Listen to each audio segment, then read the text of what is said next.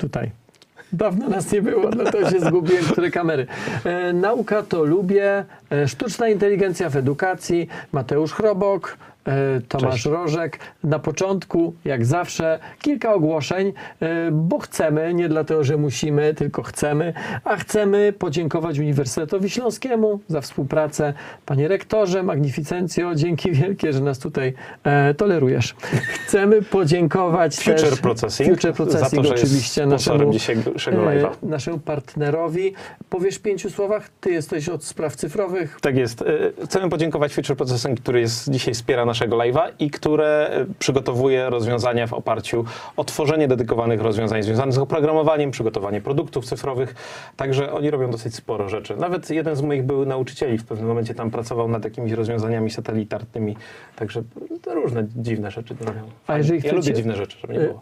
A jeżeli chcecie wiedzieć, dowiedzieć się więcej o Future Processing, a w zasadzie nawet może nie o samej firmie, ile o tym, czym się zajmuje.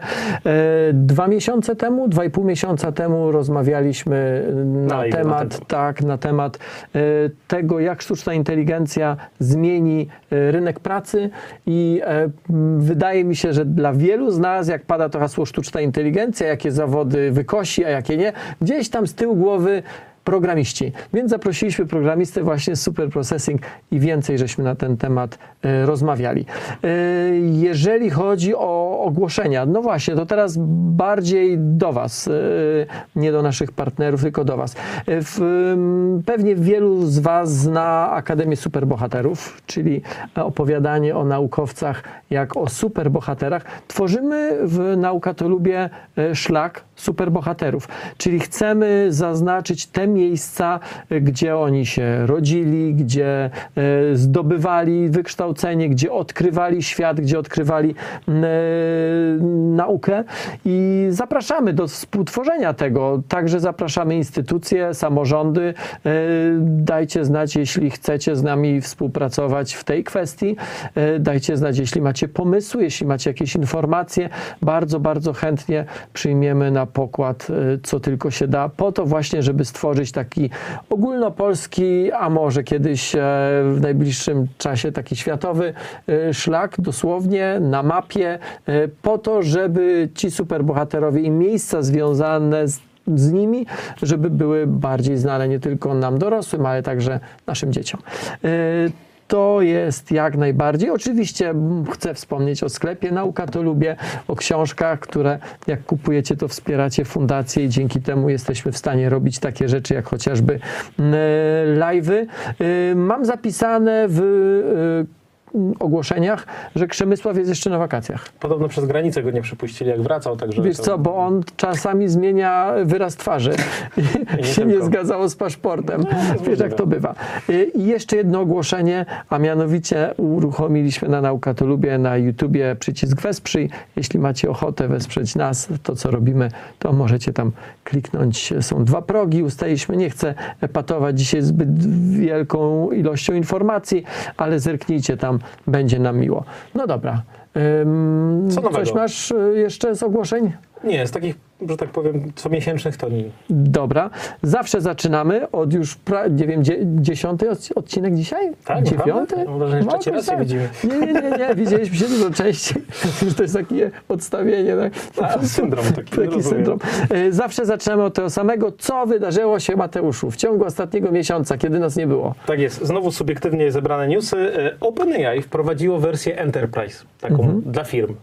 I co jest dla mnie najciekawsze w tym, oni powiedzieli tam wprost, że żadne dane, które tam zostaną wysłane, nie będą wykorzystywane przez nich do przeuczania modeli i tak dalej, więc firmy mogą się nie bać, że stracą jakąś własność intelektualną. To pokazuje pewien kierunek i reakcję na strach. E, Poza tym ta wersja Enterprise wprowadza e, model GPT-4 o długim kontekście, 32 tysiące tokenów, czyli tak rozmawialiśmy sobie gdzieś na samym początku, że a my ludzie to potrafimy mieć o wiele dłuższy kontekst, no to są modele... Już teraz nie.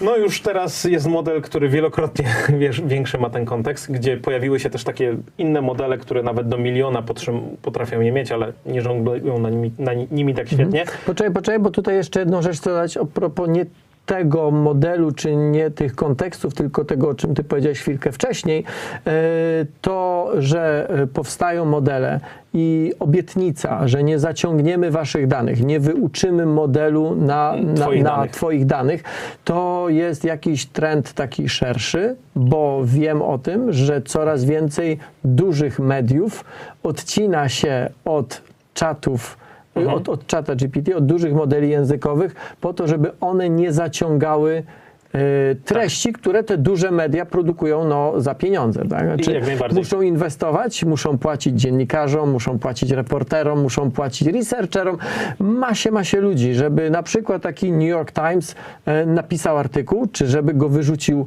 w świat. I teraz oto nagle przychodzi, wjeżdża na białym koniu duży model język, językowy, który sobie dobierze za darmo. Także w Polsce, z tego co wiem, jeszcze żadne duże media, duże portale się nie odcięły, ale w Stanach Zjednoczonych zaczyna być to zauważalny trend.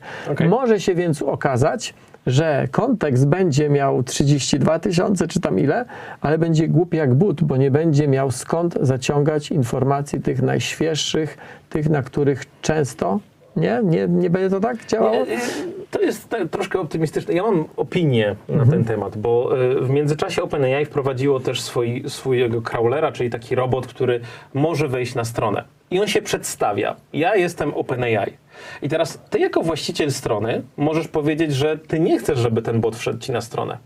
Ile osób po pierwsze o tym wie, ile osób to zablokuje? To będzie garstka.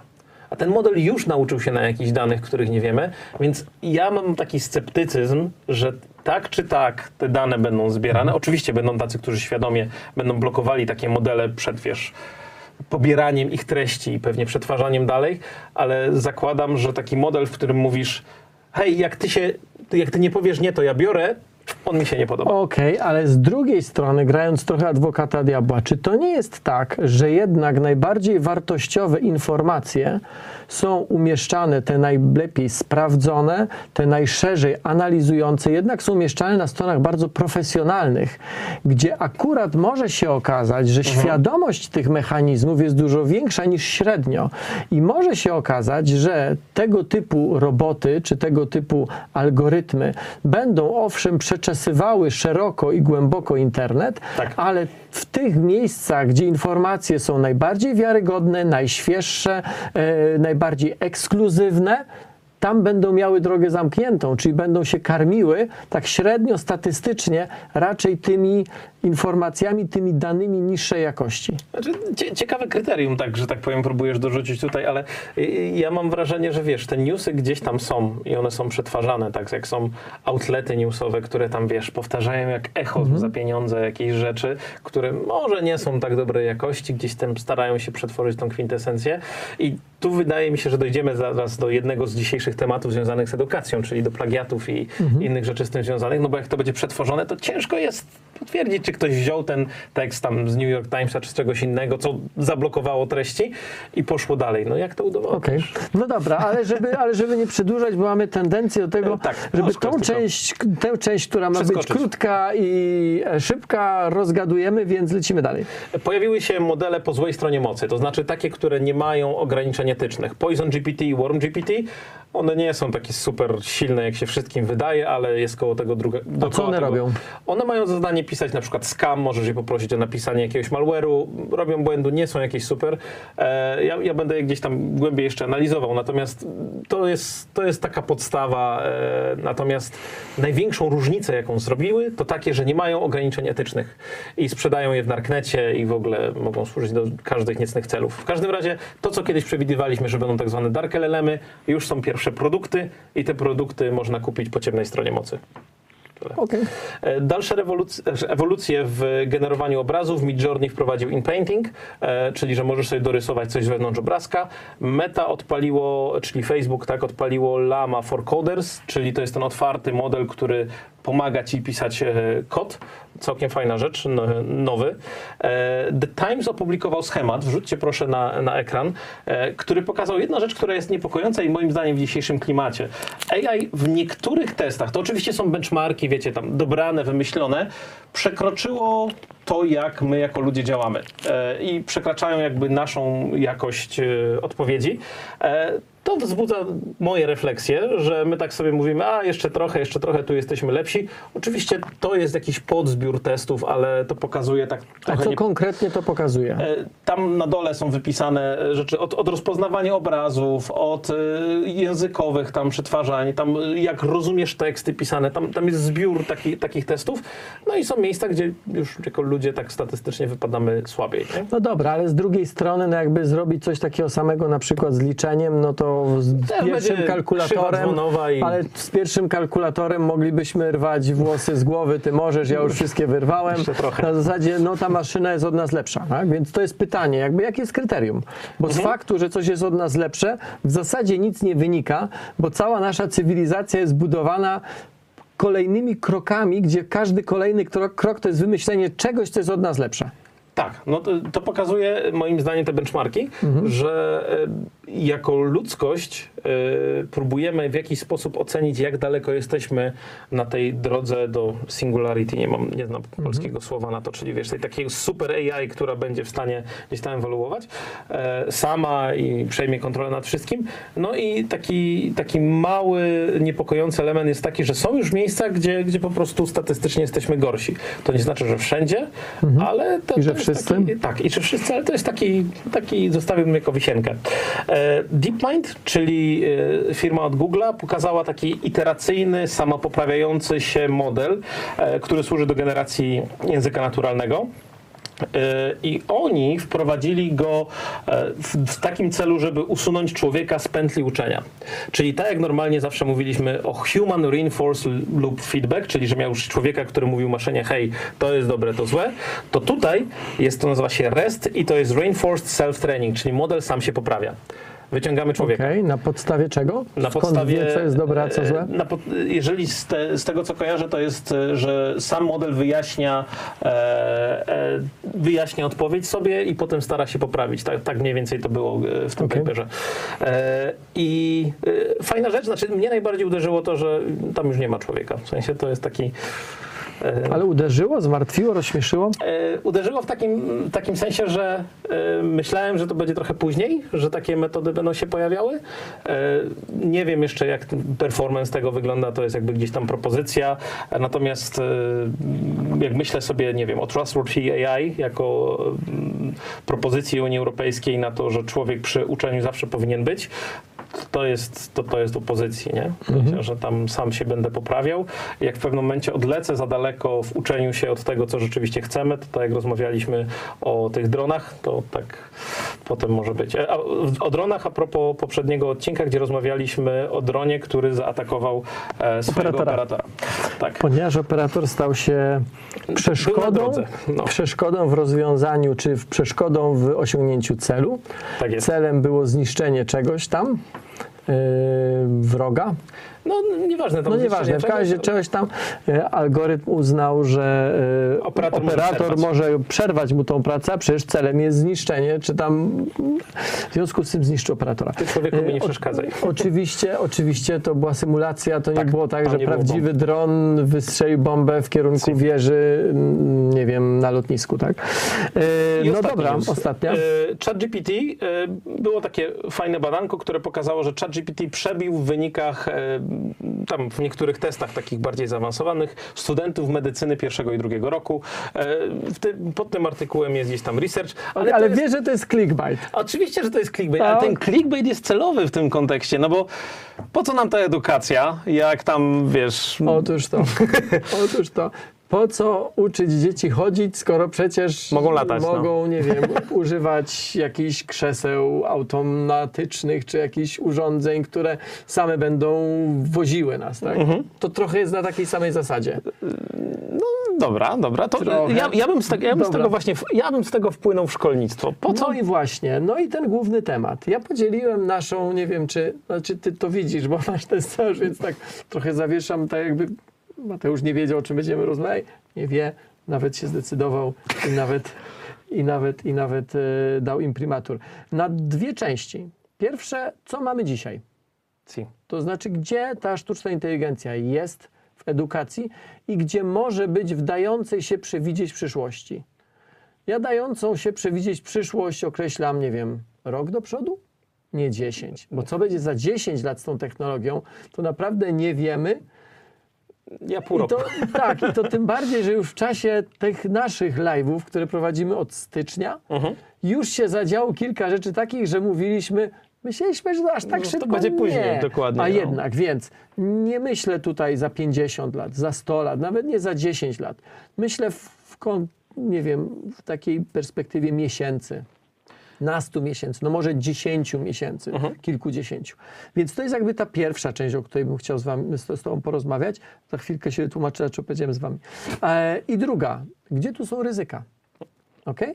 Jasne. I jakby myśląc o tym, jak sobie poukładać to dzisiejsze nasze spotkanie, zdałem sobie sprawę, że w zasadzie, niezależnie od tego, czy mówiliśmy o sztucznej inteligencji e, na rynku pracy, czy w medycynie, czy kulturze, sztuce, tworzeniu, właściwie za każdym razem była podobna agenda Co już jest i co, co mamy dzisiaj i wpływa. co możemy na podstawie tego, co jest dzisiaj, pomyśleć o najbliższej przyszłości, ale też druga część, i bardzo sobie to, szczególnie sobie to cenię, yy, gdzie tutaj są ryzyka, na co powinniśmy uważać. Więc wchodząc w to pierwsze, zastosowanie sztucznej inteligencji w szkolnictwie. Super, ja wypisałem cztery punkty chyba. E, Pierwszym, nie wiem, one chyba nawet nie są po kolei w tym sensie, że od najważniejszego do najmniej. E, To jest kwestia oceniania. To jest kwestia czegoś, co chyba nauczyciele e, albo duża część nauczycieli, staram się nie uganiać, e, nie lubi najbardziej. Czyli Jesteś nie, jeden do paru dziesięciu. nie więcej. tego, że młodemu człowiekowi tłumaczysz świat, tylko temu, że musisz to weryfikować. E, Bo tak jest stworzony system. To, czy to jest słuszne, czy nie, to jest zupełnie inny temat. Musisz weryfikować, musisz sprawdzać te kartkówki, testy i tak dalej, i tak dalej. I aż się prosi, żeby stworzyć algorytm, który to będzie robił za nauczyciela. Mhm. I w zasadzie technicznie, technologicznie nie stanowi to absolutnie żadnego problemu Si. już dzisiaj. No więc tutaj widzę zastosowanie sztucznej inteligencji w szkolnictwie. To, czy mnie się to podoba, czy nie, to też jest inny temat, ale w ocenianiu automatyczna ocena zadań, quizów, testów i w zasadzie to już jest. To już jest i znam firmy nawet, które takie rzeczy robią zdalnie, gdzie pod uwagę nie jest brany tylko sam wynik, że tam wiesz, 8 albo e, telimena, nie? tylko też jak do tego dochodziłeś.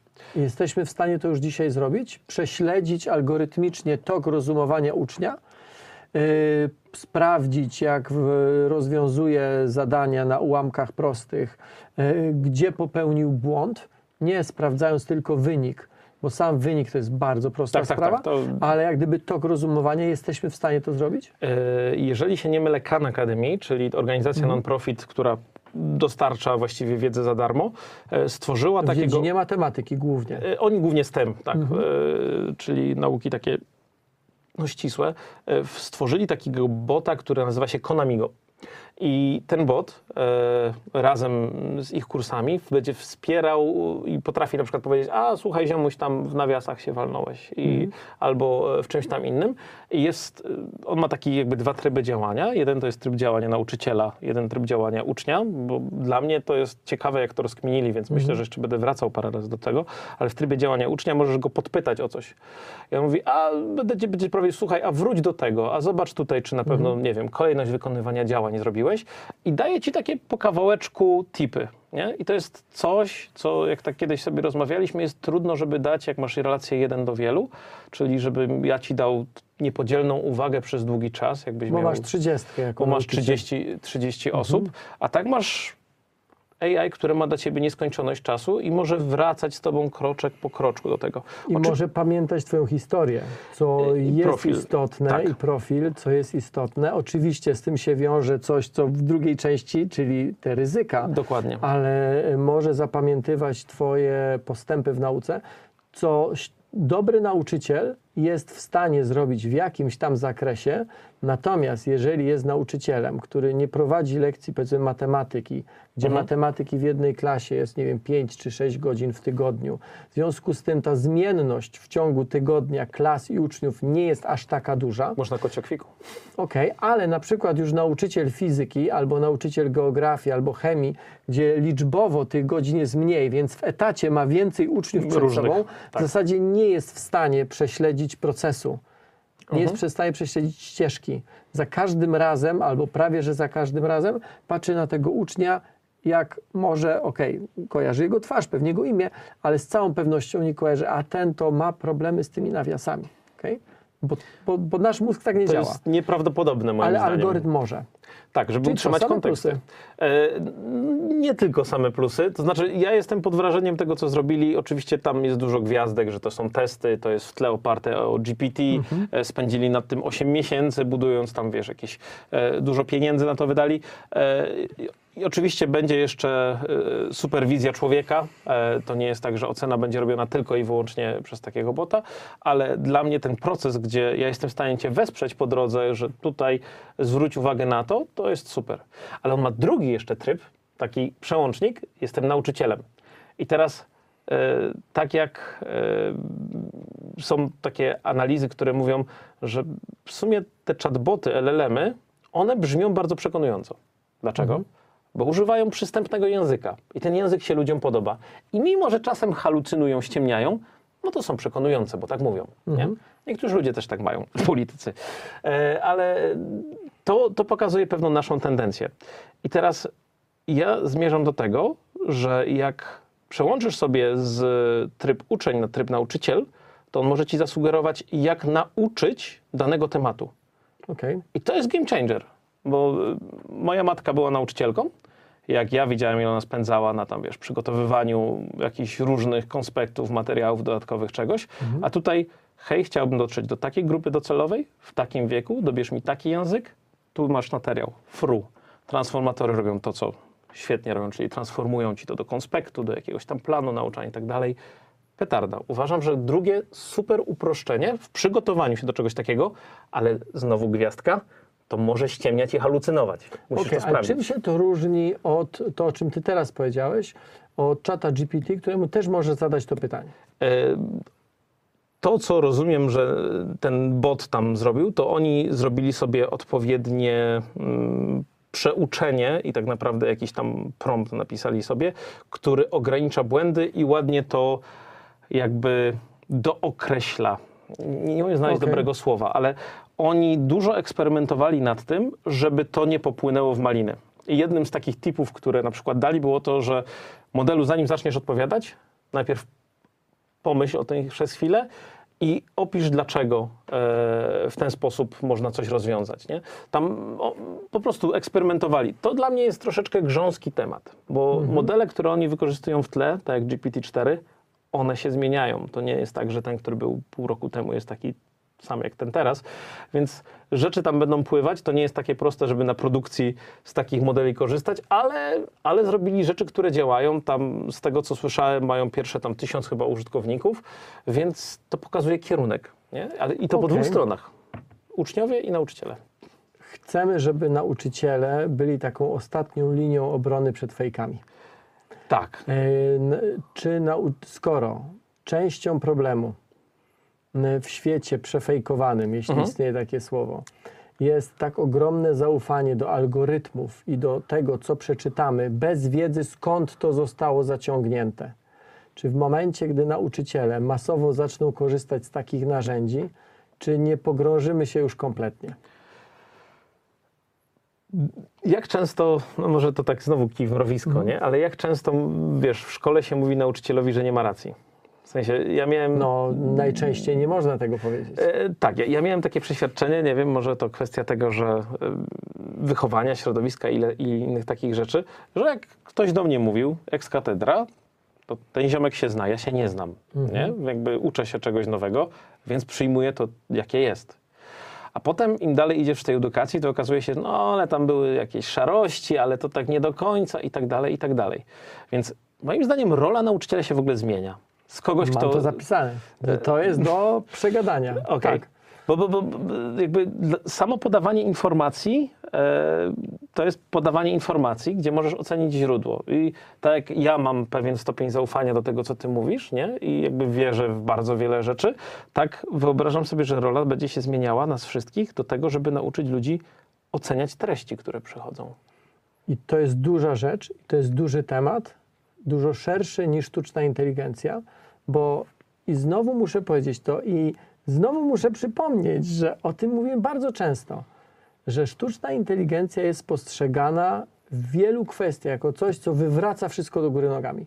I być może tak w wielu kwestiach jest, ale także w tej to nie jest temat, który się pojawił w wyniku pojawienia się sztucznej Tak, tak, tak, inteligencji. tak, jasne. że ona tak naprawdę, ale powiedz sam, ile razy my o tym mówimy, że tak naprawdę to, to jest tylko bardziej. To nie jest kwestia nowego problemu, nowego wyzwania. Znaczy skala tego będzie Tylko po prostu skala rosła. jest po prostu tak, inna. Nie? Znaczy, jeżeli ktoś do dzisiaj nie zauważył, że rola nauczyciela powinna się była już dawno zmienić, to teraz to już te dzwonki alarmowe po prostu są zewsząd, także już się nie da, nie da tego nie usłyszeć. Ale prawda jest taka, że rola nauczyciela powinna się zmienić już dawno temu. Z kogoś, kto mówi jak jest, na kogoś, kto raczej jest przewodnikiem po dżungli informacji. O, bardzo ładne stwierdzenie. Nie? Ja, ja to tak. widzę. Nie? Znaczy, można stanąć na pustyni i opowiadać młodym ludziom, jak wyglądają drzewa. I nauczyciel w czasach, w których była tworzona szkoła, opowiadający o kanale Sueskim, o Antarktydzie, o wielu różnych rzeczach, totalnie abstrakcyjnych, bo technologia nie pozwala ich zwizualizować. Był właśnie kimś takim. No tak. Ale w międzyczasie świat się zmienił, a niestety rola nauczyciela w systemie została niezmieniona. Owszem, on ma nowe narzędzia, on może, nie wiem, wirtualną rzeczywistość za, zatrudnić, jeśli szkoła mu da taką możliwość. E, Ale sorry, zamiana mm, kredy białej na tablicę interaktywną to O. nie jest żadna zmiana jakby w całym, w całym koncepcie. Uczenia. To, to No, nie jest no, no, absolutnie to- nic, tak? to tak, nie jest tak. absolutnie nic. Jak ktoś mówi, to nie, szkoła się zmieniła, bo mamy tablice interaktywne, to ja nie wiem, czy ja się mam śmiać, czy ja mam płakać. Tak? To, to, bo to pokazuje, że nie rozumiesz człowieku, o czym ty mówisz. Nauczyciel przewodnikiem. Okej. e, Okej. Ja kupuję bardziej taką rolę, bo wiesz, y, dla mnie dostęp do informacji to nie jest już nasz problem. No, Mhm. Problemem jest filtrowanie i ocena tych informacji. I teraz sobie wyobrażam... Przekucie ich na umiejętności. No, no właśnie pytanie, czy potrzebujemy Okej. tak bardzo umiejętności, jak, jako follow-up z tego, bo, bo ja na razie jestem jeszcze na etapie, że e, mamy dużo wiedzy, które przychodzi i teraz e, kto ci powie, jak je oceniać? No i mogą cię tego nauczyć rodzice. Super, jakby teraz coraz bardziej była to rola nauczycieli, którzy ci powiedzą ci, hej, to jest fake, dlaczego? Albo jak dojść do tego, że to jest fake? Jak poszukać, jak próbować to ocenić? Bo to, że będziemy mieli coraz więcej treści, spowoduje, że trudniej będzie je filtrować. Więc dla mnie to już to jakby ten, ten punkt ciężkości na tym, żeby być w stanie oddzielić fejka od, od prawdy, no będzie, będzie olbrzymi, bo inaczej będziemy mieli. To wyobraź sobie, że nie wiem, ktoś wyprodukował podręcznik z jakimiś tam fejkowymi informacjami. Przecież to by było straszne dla społeczeństwa. No, nie chcielibyśmy, żeby coś takiego się stało. Teraz się śmiejesz, Nie, ja tak się uśmiecham. bo jednak jest. Bywa. Bywa. Bywa. E, dobra, e, bo tak, nie chcę dużo mówić o zmianie w ogóle koncepcji szkoły, bo to nie jest trochę temat naszego dzisiejszego spotkania. Dzisiaj mówimy o konkretnej technologii, Tak jest. która Edukacji. jest bardzo, bardzo potężnym narzędziem, Pytanko które jak każde duże narzędzie Może być użyte źle. może nas pogrążyć albo może, nas, może nam pomóc. Yy, Zanim przejdę do właśnie roli nauczyciela, to pytania, no właśnie, bo ja powiedziałem, że do Mateusza się w pewnym momencie zwróciłem w liczbie mnogiej, ym, per wy, nie tylko z szacunku, na Śląsku się mówi, Tak się wy dochopię. zrobicie, Ja. e, to znaczy, że pan zrobi, e, ale też dlatego, bo miałem z tyłu głowy, zadawajcie pytania, znaczy tu się w koncepcji Widzimy. nic nie zmienia, my je widzimy, e, się nic nie zmienia, bardzo chcemy, żebyście też wy uczestniczyli w tworzeniu tego programu, czy, w tego, czy, czy, czy byli częścią tej rozmowy, więc jeżeli macie pytania, jeżeli macie sugestie, koniecznie piszcie, my je widzimy, odpowiadamy na sporą część z nich, chociaż czasami one się powtarzają, no to wtedy tylko raz odpowiadamy. Tak, bo bez sensu przynajmniej w tym samym temacie. E, dobra, odpowiadamy już teraz na jakieś? Czy, mm, czy, czy Ja, ja bym po- poleciał, czy rozwój AI nie powinien być jednym ze składników uczenia się lub dawania szansy dzieciom i innym, aby korzystali z jej zasobów? Ja nie wiem, czy do końca dobrze rozumiem to pytanie. Dla mnie jakby jest bardzo fundamentalnym pytaniem, że powinno dojść do pewnej demokratyzacji AI, to znaczy dostępu do tej technologii dla wielu. Bo jak to będzie technologia, która będzie wspierała tylko jakiś tam odsetek osób, to będzie no, robiło coraz większe rozwarstwienie. A teraz jak byliśmy w tym temacie takiego nauczyciela, który będzie miał dla ciebie właściwie nieskończoność czasu, będzie w stanie ci pomagać z rzeczami, to wyobrażam sobie, że to powinien być wsparcie. Na razie wsparcie, które oczywiście będzie pod kontrolą, ale absolutnie dostępne dla wszystkich. I teraz, tak jak mówiliśmy sobie o młotkach i narzędziach, to kwintesencją dla mnie na samym początku nauki, skoro już takie rzeczy się pojawiają, powinno być to, żeby nauczyć zasady ograniczonego zaufania, e, jak na drodze, z jednej strony, a z drugiej strony nauczyć korzystania z takich narzędzi. Bo skoro to jest narzędzie do uczenia się, to poznajmy je jak najwcześniej w naszym procesie edukacji, bo potem ono nam pomoże złapać nasze błędy. Tak? i się uczyć. No dobra. Jak stworzyłbyś w swojej głowie obraz nauczyciela idealnego, on by miał jakieś cechy konkretne, tak? Mhm. E, Z myślą, nie wiem, o dzieciach, które zaczynają edukację, no bo mm, nie może z myślą o nas, bo już się sami jakoś tam edukujemy. To i popatrzyłbyś na dzisiejsze możliwości sztucznej inteligencji. W czym ten idealny nauczyciel dzisiaj wciąż jest lepszy od algorytmu, który robi to, czy który może robić to, o czym przed chwilką rozmawialiśmy?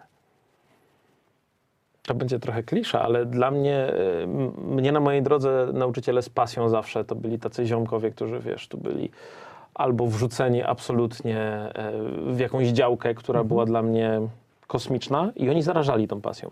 Okej. Czyli taka... A co masz na myśli konkretnie? Wiesz, ja trochę y, Ja mam- zadaję Ci pytania, na które ja sam znam odpowiedź, ale wiesz, y, moja odpowiedź może być inna niż Twoja odpowiedź. Więc jak Ty już zarażali Mhm. z pasją, co konkretnie, jaki zestaw cech masz na myśli? Co oni takiego robili, czego algorytm nie może zrobić? Ja myślę, że to mimo wszystko, nie wiem, gdzieś tam na studiach y, była jakaś taka interakcja międzyludzka, gdzie ja widziałem, jak oni przeżywają emocje, jak się czymś ciekawią i eksplorujemy nowe, nieodkryte terytoria dla mnie. W zasadzie to jest tak nowość, nowość. A dlaczego tak? A dlaczego nie? I potem wchodzisz sobie w taki, w taki dialog sam ze sobą, czasami z tym nauczycielem, jak miałeś chwilę, żeby spróbować dokminić, o co tak naprawdę chodziło. Albo mówisz, hej, a tu jest w ogóle luka w tym rozumowaniu, a czemu tak nie było? I to było dla mnie zawsze taki moment, kiedy czułem, że jestem blisko takiego granicy nauki, bo możesz zadawać pytania i możesz odkrywać. A jak masz relację taką na razie, jak masz, nie wiem, z Wikipedią czy tam z chatbotami, to jest hej, powiedz mi jak? Tak, aha, dzięki. Okej. Tam nie ma opowieści historii, tam nie ma takiej eksploracji wspólnej na razie, A może to nie jest ma kwestia emocji. tego kontekstu, o którym zacząłeś? E, Trafiłem, trafiłem na takie badanie, które e, opowiada o tworzeniu syntetycznych filmików edukacyjnych. Mhm. I okazuje się, no, jak się niektórzy spodziewają, że nawet takie, wiecie, wygenerowane, które nie są wysokiej jakości, już mają lepszy przekaz niż zwykły tekst. No, kto by się spodziewał, tak? No, więcej zmysłów jest zaangażowanych, lepiej się uczy. A dla mnie ten idealny nauczyciel potrafi jeszcze poprowadzić jeszcze jakby, oprócz tej ciekawości, jeszcze emocjami, historią i tym wszystkim tak, że jestem cały zaangażowany. Ja chcę gdzieś tam razem z nim tą Czyli to historię jest, przeżywać. Okej, ale to jest kwestia tego, co on mówi i jak mówi, czy to będzie kiedyś Pewnie kwestia tematu. tego, że on jest tu fizycznie, a algorytm jest nie wiadomo gdzie? Wiesz co, myślę, że y, cały czas jeszcze reagujemy na drugiego człowieka bardziej. Y, w sensie, wiesz, jest dużo tam form, gdzie możesz sobie wymyślić AI, które tam będzie udawało ci bliską osobę, reagowało i tak dalej. Dużo firm próbuje na tym zbić jakieś tam pieniądze.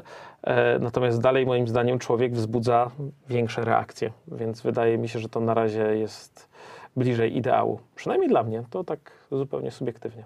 A twój idealny nauczyciel to kto? Moja mama? Twoja mama. Tak, moja mama jest nauczycielem, czy była nauczycielem.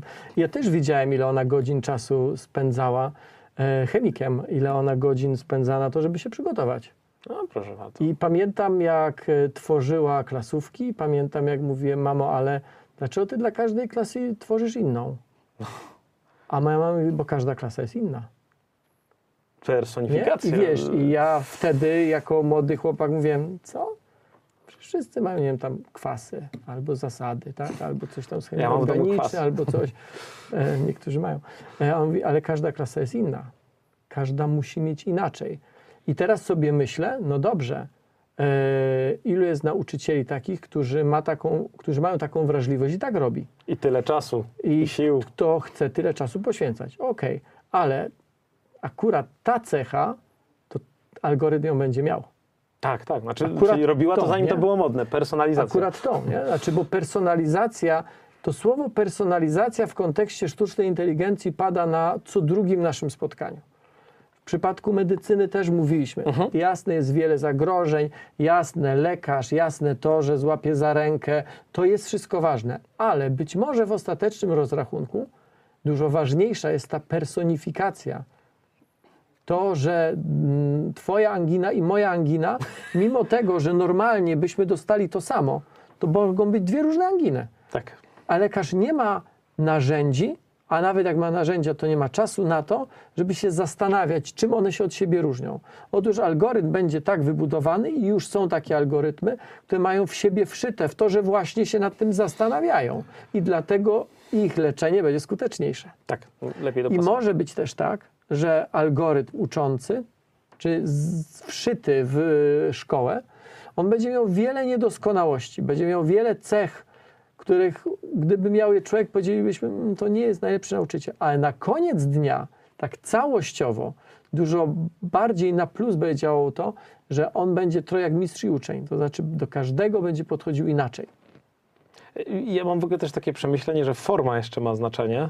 Y, Ja jak tam mam takie, przełączam się między takimi trybami. Jeden to jest taki tryb mentorski, gdzie coś tu tłumaczę i tam mówię, tu jest taki kontekst, potem jest coś tam, potem coś, a okazuje się, że lepiej trafiają takie treści, gdzie mówisz jak do kumpla, że słuchaj stary, jest coś takiego, to działa tak i tak dalej, i tak dalej. Niektórzy wolą taką formę, inni taką, to zupełnie inaczej siada i to też jest element personalizacji, nie? Tak. Czy tobie zjeżdża fotel? Nie tym razem. Okej, dobra, Chyba. nie, bo tak przez chwilę Jeszcze myślałem, patrzę ci w oczy, ale... Okej, to zachowujemy wysoki poziom. Dobra, e, Tomek, który jest na backstage'u, m, dopisał mi coś, e, za, za co chcę podziękować Wam. E, Nauka to lubię w zeszłym tygodniu przekroczyła 700 tysięcy subskrypcji na YouTubie. E, bardzo Wam dziękuję e, za wsparcie także takie, za oglądanie, za śledzenie. Dla nas to jest ważne, to też jest ważne dla algorytmów swoją drogą sztucznej inteligencji, pewnie na jakimś tam etapie swoją drogą, bo im więcej osób nas obserwuje, tym nasze materiały są szerzej dystrybuowane, a to z kolei nam daje większe możliwości tworzenia lepszych materiałów. Więc to Nakręca jest się, tak. trochę właśnie taka, taka, taka pętla. No dobra. Gratki. Yy, bardzo, bardzo dziękuję. To nie, to, to nie dla mnie, to gratulacje i podziękowania dla Was. Yy, dobra. Mm, pytanie? Myślę, że jeszcze jedno pytanko. E, tutaj takie znowu z racji niepokojów. Nie sądzicie, że AI zabierze uczniom wszelkie relacje społeczne i uczenie powiązań społecznych? No i. No i to jest dobra, ale to jest z drugiej części, gdzie napisałem, gdzie, gdzie, gdzie mamy zapisane w Dobra, naszym to- to- scenariuszu to e, wrócimy, tak? niebezpieczeństwa. Koniecznie Okej, musimy dobra. wrócić. Pytanie gdzie teraz jeszcze mamy algorytmy, gdzie mamy sztuczną inteligencję, a gdzie w najbliższej, najbliższej przyszłości możemy się jej spodziewać w edukacji w szkole? No więc tak, asystenci, o których powiedzieliśmy, asystenci różni, bo ja na przykład y, miałem to szczęście, że tam jacyś ludzie się do mnie odzywają, którzy mają pomysły na różnych asystentów, chcą je budować i tak dalej, więc super, warto się w tym edukować, bo każdy z nas może mieć jakiegoś swojego asystenta, czy to do pracy, czy do nauki, czy do innych rzeczy. To dla mnie jest trochę jedna Ale bańka. nie masz na myśli sytuację, w której na przykład na matematyce nie ogarniam jakiegoś tam obszaru i ściągam sobie z sieci albo po prostu łączę się z mm, jakimś botem, Mhm. który mm, w cudzysłowie patrzy mi na dłonie, patrzy mi na ręce, jak rozwiązuje konkretne zadanie i mówi, stary, ty tego nie rozumiesz, dlatego, że masz braki tu i tu. Tak? E, Ty mówisz już o kolejnej fazie, nie? A, Okej. ja, a ja mówię fazę wcześniej, że rozwiązujesz zadanie i tak jak e, masz mamę nauczycielkę, która sprawdzała je tak liniowo po kawałku, to ona musiała wydać te parę tam dziesiąt razy ileś czas, żeby to tak sprawdzić. A tu ktoś dostaje zadanie i dochodzi do takiego momentu, że mówisz, okej, no ja ci powie, tutaj w tym miejscu przemyśl to albo to. I Okej. ma dla ciebie nieskończoność czasu, żeby przećwiczyć inne przykłady, żeby porozmawiać o tym, żeby ci wyjaśnić, żeby opowiedzieć definicji i tak dalej. masz cały czas świata, nie? Tak naprawdę, no bo to prawie, że nic nie kosztuje w porównaniu z czasem drugiego człowieka. Więc wyobrażam sobie, że e, taka atencja, którą jesteś w stanie dostać, e, jest w stanie wyrównać wiedzę dla tych, którzy są z tyłu, ale też ludzi, którzy są jakby szybciej chłoną pewne rzeczy, dać im tą możliwość, żeby być przed powiedzmy jakąś grupą, nie? Więc jesteś w stanie zrobić Znowu, przepraszam, wracam do szkoły, ale nie rok za rokiem, y, gdzie wiedza jest poszatkowana, tylko jesteś w stanie zrobić to w zależności od tego, kto jak dalece jest zaawansowany. No właśnie, i teraz pytanie, czy w dającej się przewidzieć przyszłości ta technologia nie wywróci szkoły w ogóle do góry nogami? Nie spowoduje, że szkoła w ogóle nie będzie potrzebna. Nie uczenie się, nie edukacja, tylko szkoła jako miejsce, gdzie w klasie gromadzimy uczniów urodzonych w tym samym roku, Tak. bo tak jest naj, najprościej administracyjnie, bo tak. Tak. nie trzeba weryfikować i sprawdzać. I tam po lokacji, tam. Tak, e, bo być może już nie, być może za, pewnie nie za rok, ale może za 10 lat już takiej szkoły w ogóle nie będzie. I ja mam, ja mam kij w mrowisko, tak trochę, trochę na bok, ale powiedz mi tylko, dlaczego twoim zdaniem prawo jazdy mogą mieć ludzie dopiero do 18 roku życia? W sensie mówię takie normalne, nie to tam na, ma, na małe ten. Dlaczego dopiero do 18 roku życia? Wiesz co, znam ludzi, którzy mają lat 40 i w życiu prawa jazdy nie powinni dostać. E, tak? Są, są. Y, są tacy, więc to jest zawsze kwestia statystyki. No dobra, no i ktoś kiedyś wyliczył, że 18 to jest ten wiek. Ja miałem tam teorię, że to wiesz, bo możesz kogoś pociągnąć prawnie do odpowiedzialności, ale powiedzmy, Wiesz, że. Gdzie niegdzie 17, tak? Tak, no ale mówią, że to jest ten wiek. A co, nie ma takich, którzy by wcześniej nie powinni dostać, co później dostać? Dla mnie kryterium wieku jest krzywdzące, bo to jest wszyscy do jednego Tak. wora i tak ci lepsi tam ściąć, ci gorsi ściąć. I tak samo jest dla edukacji. No, Co do tego jest jasne. To jest jasne. Moje pytanie brzmi, czy my jesteśmy dzisiaj z tą technologią na takim poziomie, Twoim zdaniem, mhm. że w dającej się przewidzieć przyszłości powiemy, słuchajcie, taka szkoła, w ten sposób szkoła, to w ogóle nie. Bo mamy już narzędzia na tyle silne i pewne, że jesteśmy w stanie zupełnie inaczej przeprowadzić proces edukacyjny. ja nie widzę tego w najbliższym roku, powiedzmy. W sensie jesteśmy w takim procesie rozjazdu. Są szkoły domowe, są, są alternatywne ścieżki nauczania, wiesz, Montessori, e, tam e, Sporo tego jest. jakby tak, że- żeby, żeby nie, nie przechodzić przez wszystkie. One mają różne wyniki i efekty, ale ostatecznie testuje się to na ludziach i to jak działają.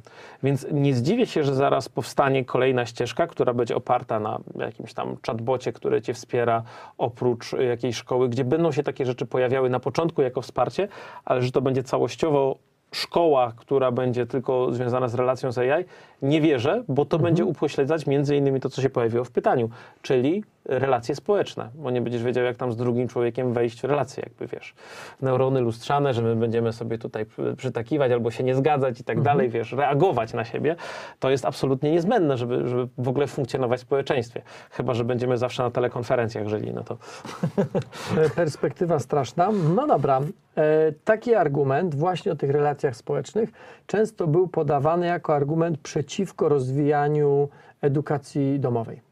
Mhm. Bo e, najczęściej e, jest dorosły i jest ten młody człowiek. Nie ma grupki. Po czym kontrargumentem było, no nie, bo to nie jest tak, że wszystkie zajęcia są tylko w domu. Poza tym od czasów, kiedy edukacja domowa zawitała do Polski, e, sporo się zmieniło i teraz rodzice zebrani w edukacji domowej w jakimś mieście, w jakimś miasteczku albo nawet dzielnicy e, bardzo chętnie spotykają się i te dzieci się spotykają, więc relacje społeczne na tym nie cierpią. I teraz jest pytanie w zasadzie do nas, a nie do technologii jak bardzo my sobie cenimy te relacje społeczne i jak bardzo my dorośli rozumiemy, że one mogą kształtować i one są dla prawidłowego rozwoju dziecka niezbędne. Bo jeżeli mamy taką wiedzę, jeżeli mamy takie przekonanie, to możemy wykorzystywać tą technologię odpowiedzialnie w tym sensie, że jednak część zajęć by była w grupach. Okay? Że może i matematyki, fizyki, może części geografii albo biologii uczyłby chatbot, albo młody człowiek by, się, by uczył się z wsparciem chatbota, ale zgadzamy się na to, żeby część lekcji albo część zajęć odbywała się w grupach. Na przykład zajęcia projektowe. I mój, mój, że tak powiem, umysł poszedł trochę w inną stronę. Dlaczego w tej chwili mamy tak, że mamy szkoły prywatne, na które stać tylko niektórych, co już robi nam pewne podgrupki społeczeństwa? Mamy szkoły, które są lepsze, wiesz, jakieś rzeczy typu tam STEM techniczne, są szkoły takie, takie i już następuje pewne takie, ja bym to powiedział, kubełkowanie społeczeństwa, że dzielisz na różne wiaderka, nie? Takie elementy. E, I jak ty zacząłeś opowiadać o tym, że ludzie i tak e, nawiązują tę relację i wchodzą, to ja zadałem sobie pytanie, na, na podstawie jakich kryteriów ci ludzie się dobierają. W sensie e, pewnie lokacyjnych, e, pewnie inni tak, no bo to nie jest takie łatwe, nie? A tutaj, e, Z całą pewnością ci, którzy mają większą świadomość, no, no. to zrobią. I być może paradoksalnie, ja kiedyś taką tezę postawiłem w jakimś, w jakimś wywiadzie i ona wywo- wywołała jakieś ogromne emocje. Być może jest tak, że my wracamy do mm, pewnego porządku, który przez setki lat funkcjonował, a który wydawało nam się ostatnio, że żeśmy zburzyli. To znaczy, y, że edukacja powszechna wyrównuje szanse wszystkich. To jest fakt, pod warunkiem, że wszyscy wchodzą w ten sam tryb edukacji i pod warunkiem, że ona jest porządnie robiona. W praktyce, patrząc na historię ludzkości, zawsze było tak, że przeważająca większość była uczona tylko tego, co jest niezbędnie potrzebne do przeżycia na lepszym lub gorszym poziomie, natomiast wybitne jednostki albo rodzice świadomi, że to jest ważne, albo rodzice bogaci, tych było stać na coś więcej. Tak, Sorbona i lecimy. Na przykład. Tak było przez setki lat. Tak. To było niesprawiedliwe. E, To z całą pewnością mnóstwo ludzi z potencjałem Zabiło, gdzieś tam tam. zabiło. Mhm. Po czym weszliśmy w czas edukacji powszechnej Mhm. i zamarzyliśmy o czasach, w których już nigdy więcej nie będziemy zabijali potencjału, bo wszystkim damy to samo. Być może tak kiedyś było, moim zdaniem dzisiaj już tak znowu nie jest.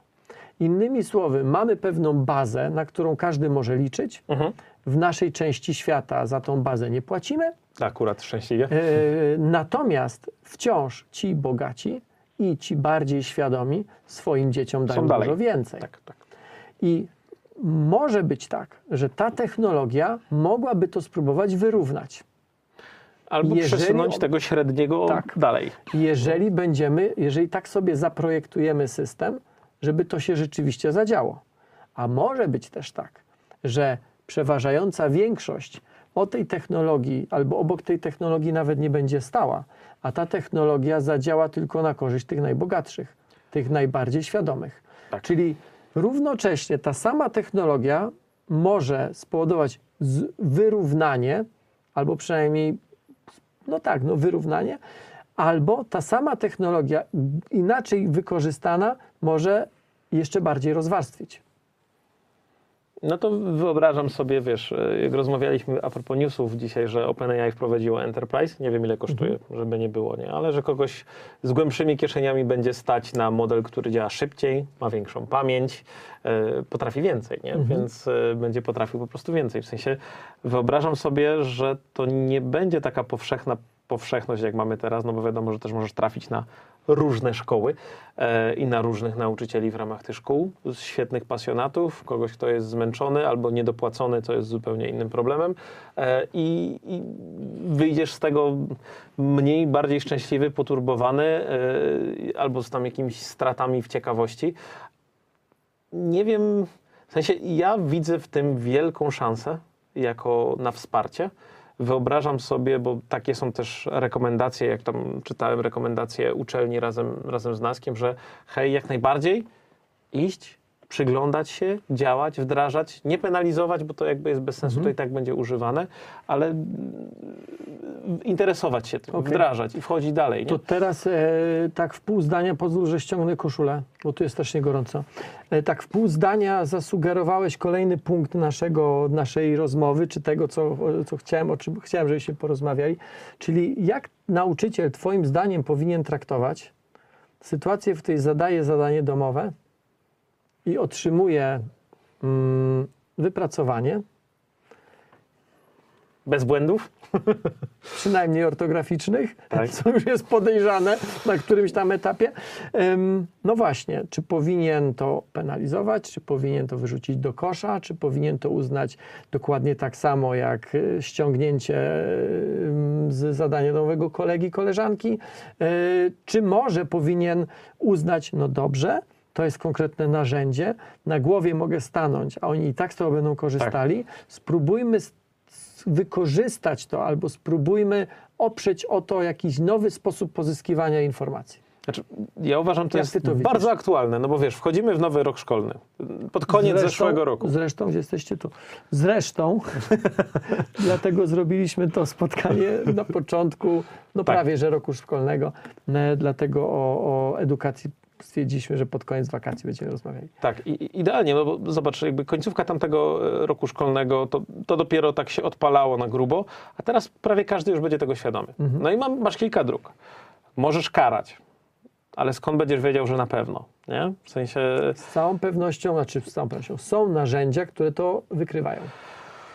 Te narzędzia są słabe. E, Ja przygotowałem sobie przykład. E, Jest takie narzędźko, które nazywa się Zero GPT i służy do tego, żeby e, sprawdzić, czy to nie zostało stworzone przez generatywne AI. Jest dosyć słabe w wykrywaniu, do tego stopnia, ja tam mam taki kawałek, który jest bodajże kawałkiem z Biblii, listu do Koryntian, który stwierdził, że no tak na 50% to napisało GPT, a to jest kawałek Biblii. Mój Boże, co, co ty teraz zrobiłeś? E, To List jest do Koryntian? Tak, proszę bardzo. Paweł z woli Bożej, powołany na apostoła. E, I lecimy, nie? E, no i co? Czy to jest dowód na przemieszczanie się w czasie apostołów? Ja, to nie. Dobra, dobra, nie idźmy w to. Tak, nie tak, tak. to. Zaraz wejdziemy, wiesz, tam w, w czarną stronę księżyca i w to, co się tam znajduje. Natomiast nie jesteś pewien jako człowiek, Mhm. nauczyciel, czy to na pewno było napisane, czy nie. Pewnie się domyślasz. Jak dobrze sobie sprofilowałeś tego ucznia, że Jak jesteś nauczycielem i e, takim z powołania, Mhm. a nie żeby odbębnić od do i iść do domu, to jasne, że się domyślasz. Nie, no, no, no pewnie, tylko e, co to da, że teraz kogoś zablokujesz? Bo wyobrażam sobie taką relację, nie? że teraz część tam uczelni, szkół będzie mówiła, nie, nie wolno, zabraniam ci, nie? E, a świat technologii, firmy i wszyscy będą z tego korzystać. Będziemy mieli odjazd pomiędzy edukacją, a tym, co się dzieje komercyjnie. No dobrze, ale z drugiej strony, jeżeli prosisz, e, czy zadajesz uczniowi, żeby opracował jakiś temat, a on wpisuje to w czata i dostaje, nie wiem, no jakiś potok myśli, nawet nie wiadomo skąd. Nie możesz tego ocenić jako nauczyciel, bo wiesz, że ta ocena nie należy się temu uczniowi. Więc co powinieneś zrobić jako nauczyciel? Twoim zdaniem, co ty Tak. byś zrobił, żeby z jednej strony no nie hodować jakiejś fikcji. Nie możecie z tego korzystać. Tak? I tak będą z tego korzystali. Jedyne co zrobią, to może pozmieniają szyk zdania albo po prostu przeredagują. Jak nie będą chcieli przeczytać tej lektury, to nie przeczytają. Absolutnie. Po prostu. Tak. Tak?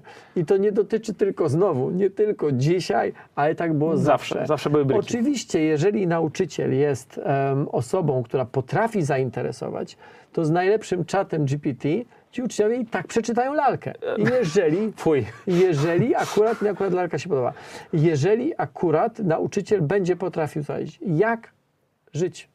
Znaczy mi się Jak bardziej działać? pilot Pirk spodobał, takie tam lalka, to są obrzydlistwa. E, powiem ci tak, ja, ja jako ja bym zadziałał tak. Ty jako nauczyciel. Ja jako nauczyciel. okej. Jest nowa technologia, super, że ją odkrywasz, a teraz powiedz mi, co zrobiłeś, żeby sprawdzić, że to, co zostało wygenerowane, jest prawdziwe. Mhm. Czyli ja bym przeszedł od fazy jakby przeskoczył na tym, że teraz wszyscy będą z tego korzystać, bo tak będzie, do fazy, co zrobiłeś, żeby wykształcić w sobie krytyczne myślenie, albo zweryfikować, co tam jest, albo czy się z tym wszystkim zgadzasz, nie? A jeżeli tak, to jak ten proces wyglądał? Co można by w nim usprawnić? Bo skoro mówimy, że my będziemy posługiwać się narzędziami i te narzędzia, tak jak kiedyś, wiesz, obsługa nie wiem, możliwość pisania, obsługa e, maszyny później, tak, czy tam e, procesorów tekstu spowodowała, że no, my wszyscy z tego korzystamy, bo tak zaczęło się tworzyć treści, tak teraz obsługa narzędzi AI będzie coraz bardziej popularna, więc nie widzę powodu, żeby tego nie wdrażać, ale trzeba, ja bym, ja bym uczulał jako nauczyciel, jak to weryfikowałeś, w jaki sposób to zrobiłeś, co można by zrobić lepiej, a co ty o tym uważasz, nie? To pozwól na krótką opowieść. Ona będzie naprawdę krótka. To jest opowieść mojego dobrego znajomego, którego brat studiuje nawet nie wiem co. I to jest nieistotne, co on studiuje. Istotne jest to, że jedno z zajęć, czy jedna, na jednym z zajęć miał stworzyć, e, miał napisać pracę na temat konkretnych wątków pojawiających się w e, piosenkach raperów, wczesnych raperów amerykańskich, coś takiego, okej? Klasyka. Klasyka. Więc co on zrobił? E, zapytał to ChatGPT, Mhm. który to czat wypluł mu całą masę różnych cytatów i e, nazwisk, czy powiedzmy ników tych ludzi. I młody się ucieszył, stwierdził, w zasadzie siedziałbym nad tym nie wiadomo ile tygodni. A to co mam. Po czym tenże znajomy mówi, dobra, super, że to masz. Potwierdzając to jakby, to teraz sprawdź, czy one tam naprawdę, czy te osoby istnieją. Sprawdź, czy jeżeli nawet istnieją, czy on naprawdę to, To śpiewał. tak. Okazało się, że ponad połowa to były fejki. Tak. I młody stwierdził, nie nagabywany, nie mogę ufać czatowi GPT. No i pyta, to jest Okej? nauka, nie? I to jest nauka.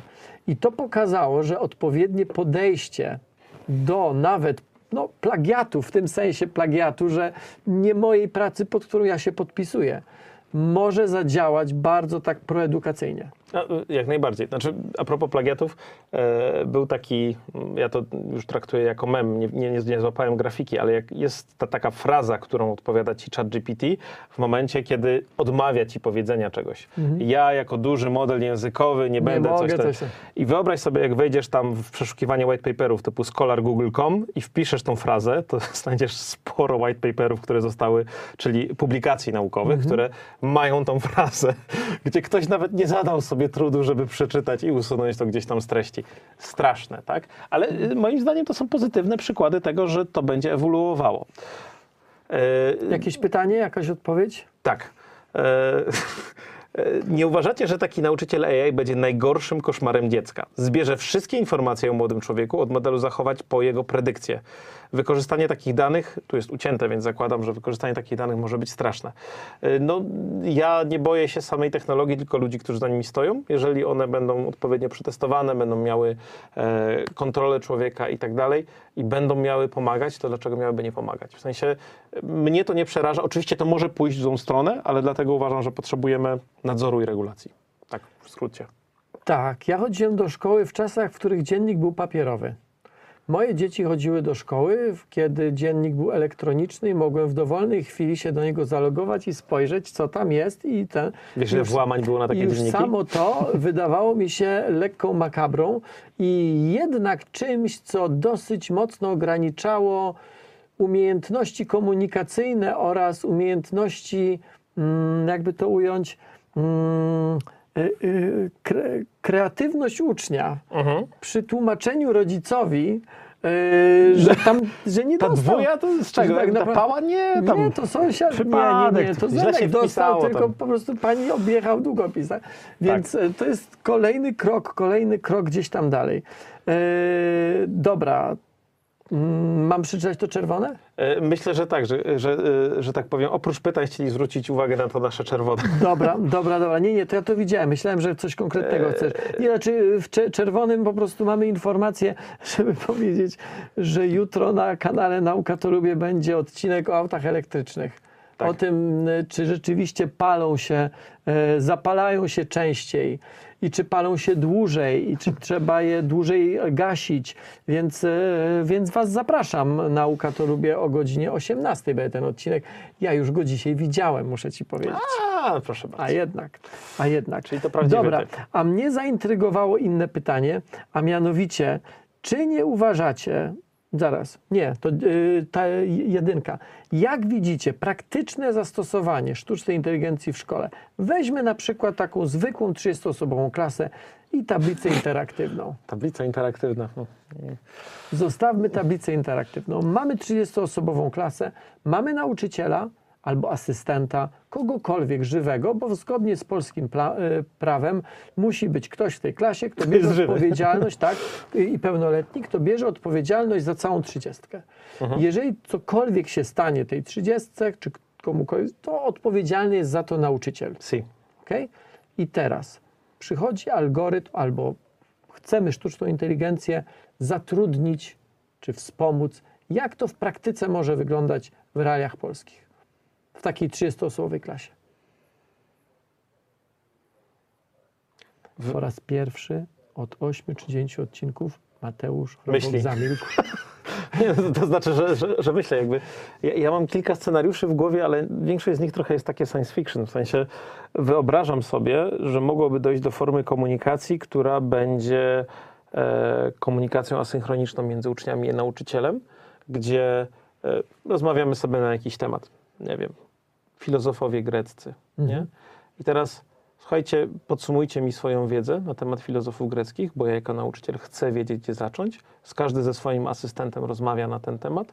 Asystent potem to zbiera, podsumowuje nauczycielowi. Nauczyciel ma plan. Ten plan dostosowuje do punktu startowego wiedzy takich uczniów, czyli od razu jest dopasowanie i wybiera jak, jaki zakres, odkąd zacząć i w jaki sposób o tym opowiedzieć. Albo nawet więcej, bo zakładam, że to jest takie, wiesz, znowu punkt, że jeden mówi do wielu, albo to przeredagowuje tak, żeby jak najlepiej dotrzeć, nie? W sensie wyobrażam sobie, że no my mamy jako ludzie tą ciekawą własność, że jak jeden mówi, to reszta musi słuchać, więc mając takiego asystenta, można by ten proces zdecydowanie przyspieszyć. Czyli wyobrażam sobie trochę nauczyciela jako przewodnika, nadzorcę, który na tej podstawie interakcji z AI wiedziałby, miałby te, wiesz, kwintesencję informacji o każdym i byłby w stanie to nadzorować, czyli przejść z roli może trochę opowiadacza do roli wspierającego w tej, w tej eksploracji wiedzy. No bo trudność będzie polegała na tym, że ludzie mogą być na różnych, znaczy ludzie tam, wiesz, ludzie, którzy się uczą o, na różnych etapach e, i mniej ja jako ten opowiadający ex katedra, że filozofowie to jeden tam w beczce, a drugi to w ogóle cały czas się naśmiewał. E, I może być tak, że będzie tylko nadzorował, jakie odpowiedzi dostają, czy to są nie fejki, albo zapytać, czy ktoś tam to zweryfikował, albo co o tym myśli, tak żeby takie rzeczy rozbudowywać. Tak Okej. sobie to wyobrażam. A ja na przykład sobie wyobrażam sytuację, w której nauczyciel przedstawia dowolny temat, po czym ostatnie 10 minut to jest rozmowa z asystentem po to, żeby nauczyciel miał informację, jaka część uczniów ten temat przyjęła, jaka rozumie, jaka potrzebuje jeszcze powtórki. Tak, co dotarło, a być co nie. może tak, a Mhm. być może nie tyle powtórki, ile wytłumaczenia tego samego w inny sposób. Każdy z nas jest inny, nie? Znaczy jednym wystarczą przykłady, inni potrzebują analogii, jeszcze inni potrzebują niemalże za każdym razem, wiesz, e, wytłumaczenia od początku, bo mają krótką pamięć nie pamiętają, co było na ostatniej lekcji. I naprawdę wystarczy im jeden, dwa przykłady i oni już wchodzą w ten tryb. I, i, i wyo- wyobrażam sobie, e, że mogłoby tak być. Ja bym sobie jeszcze wyobraził, ja bardzo lubiłem zadania typu rozwiąż jakiś problem, zbuduj coś, wiesz. To Jesteś akurat- inżynierem. To, to mnie tak jakoś, wiesz, personalnie ten. Ja jestem bardzo ciekaw, jakby na to pytanie odpowiedział pan Belfer. Proszę bardzo. Czy możemy w takim wypadku połączyć się z panem Belfrem, żeby go o to zapytać? Czy mnie słyszycie panowie? Siemano. Siemano. O, cześć. Podglądam i podsłuchuję waszą rozmowę. Widzicie z emocjami na czacie i nie ukrywam, że e, to jest bardzo interesujący temat i właśnie dzisiaj trochę spotkania z nauczycielami zastosowali i wyszukiwarki Bing, e, czy kreatora obrazów na Bingu wiecie co, e, myślę, że to jest rewolucja i powiem wam szczerze, że mm, jedną z ważniejszych, jaką starałem się dzisiaj przekazać, to to, żeby po pierwsze zaczynając lekcje ze swoimi uczniami, pokazali im to narzędzie jako pierwsi. Wydaje mi się najbardziej uczciwe i najbardziej żeby powiedzieli to nauczyciele, że wiedzą, że coś takiego jest. Żeby nauczyciel pokazał pierwszy taki trend, bo nie wszyscy wiedzą o tym i w ten sposób na przykład y, wyprzedził to, żeby uczeń nie próbował no trochę naciągnąć rzeczywistości, poszukać nauczyciela, bo będzie wiedział, że po drugiej stronie ma równego sobie gracza, który jest świadomy. I e, to jest taki mój apel dla nauczycieli, którzy są z wami teraz na żywo, e, bo ten temat ich interesuje, żeby nie bać się powiedzieć uczniom, że to jest narzędzie dla że rzeczywiście zgadzam się z wami, że przed tym nie ucieknie. Mm, Dlatego uważam, że powinniśmy też nauczyć się w szkole uczciwie mówić o tym pokazywać i na przykład na tej e, mitycznej tablicy interaktywnej czy ekranie interaktywnym rzutniku wyświetlić ten chat GPT czy cokolwiek innego i pokazać, jak z nim można sobie zaplanować wycieczkę na przykład do, mm, na Śląsk trzydniową i żeby sztuczna inteligencja zaplanowała taką wycieczkę, a żeby uczniowie na przykład robili kustory z takiej wycieczki, żeby razem z mapami Google sobie potem zrobili projekty. Jest, wiecie, to jest interdyscyplinarne narzędzie, które na przykład, coś co dzisiaj też im pokazywałem, żeby mm, na przykład wypisało życiorys Chopina w formie tabeli i zadało pytania kluczowe, gdzie mogłoby e, coś wpłynąć na ten życiorys, albo jakie wydarzenie historyczne mogłoby wpły- wpłynąć na życiorys Chopina i w tym momencie uczniowie musieli poszukać tych faktów, co działo się w danym momencie i do tego potrzebowaliby już innych narzędzi niż sztuczna inteligencja, więc coś, co moim zdaniem mm, jest ważne w sztucznej inteligencji e, i wykorzystaniu w edukacji, to żeby ona była wsparciem, ale zarówno dla uczniów, jak i nauczycieli, uczciwym i nawet do odpalenia na tej samej lekcji, żeby wszyscy wiedzieli, że można z tego korzystać, ale do tego jeszcze nam naprawdę, naprawdę daleko. Powiedzieliśmy pan Belfer, e, Dawid Łasiński. Pan Belfer, czyli, czyli profil pan Belfer, bardzo serdecznie wam polecam. Dawid jest nauczycielem chemii, jest człowiekiem, który przedstawia chemię i nauki ścisłe e, w sposób zupełnie inny i bardzo, bardzo oryginalny. Ja śledzę pana Belfra i Dawida i to, co Dawid robi, wielki, wielki szacunek.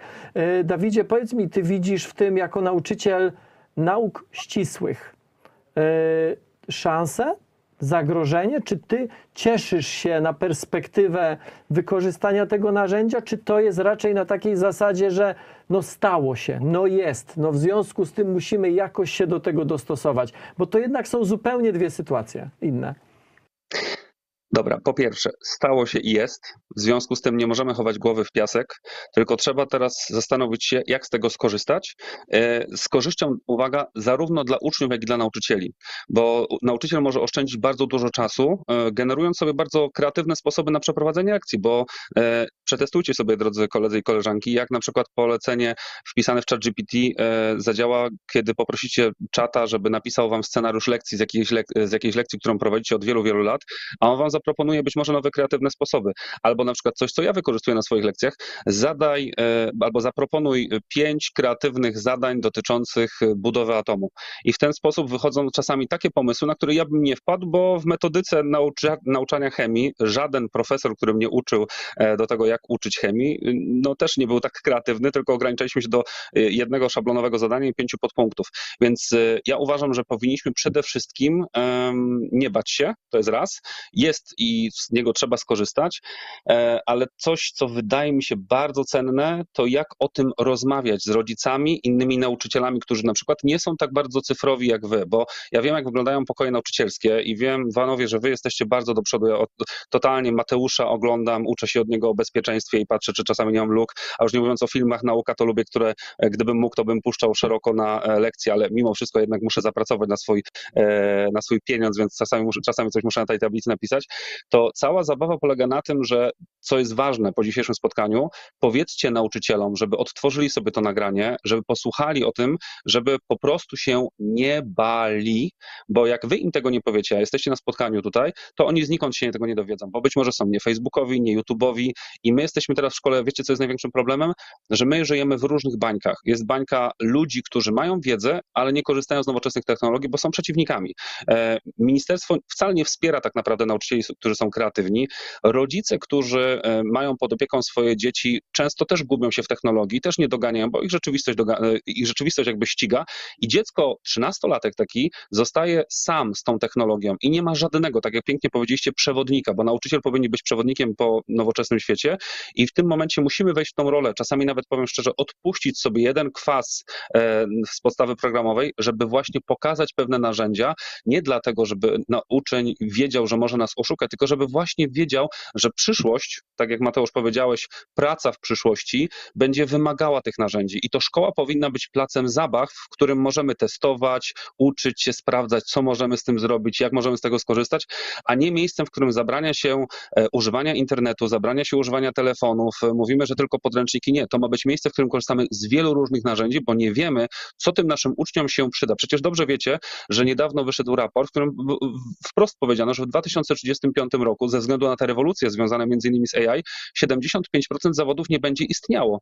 E, I są firmy, które zwalniają 98% pracowników tylko dlatego, że pojawiło się AI. A co my robimy w szkole? Przygotowujemy pod zawody, których już nie będzie za 10-15 lat. I to jest błąd, który popełniamy jako niestety nauczyciele. I tu potrzebujemy otwarcia, odwagi, żeby zacząć mówić naprawdę o rzeczach, które są potrzebne naszym uczniom, a może nie zawsze o kolejnej, nie wiem, no, mało istotnym fakcie, który właśnie, jak będą potrzebowali, to sobie wygenerują e, albo wyszukają w internecie. E, Wyszukiwanie informacji, krytyczne myślenie, te kompetencje 4K, które zostawiłem na czacie, e, to panowie być może nie wiecie, ale to jest uwaga, to jest takie coś, co moim zdaniem jest naj, najbardziej kluczowe w XXI wieku w edukacji. Czyli zobaczcie, pierwsza, pierwsze K to jest krytyczne myślenie, drugie K to jest komunikacja, trzecie K to jest kooperacja i czwarte, moje ukochane, czyli kry, kreatywność. Jak te, tych czterech rzeczy będziemy uczyć naszych uczniów na różne sposoby, to oni odnajdą się w świecie ciągłej zmiany, bo ten świat, który jest teraz, to jest świat ciągłej zmiany, a my pamiętamy często i próbujemy przygotować ich do tego, który był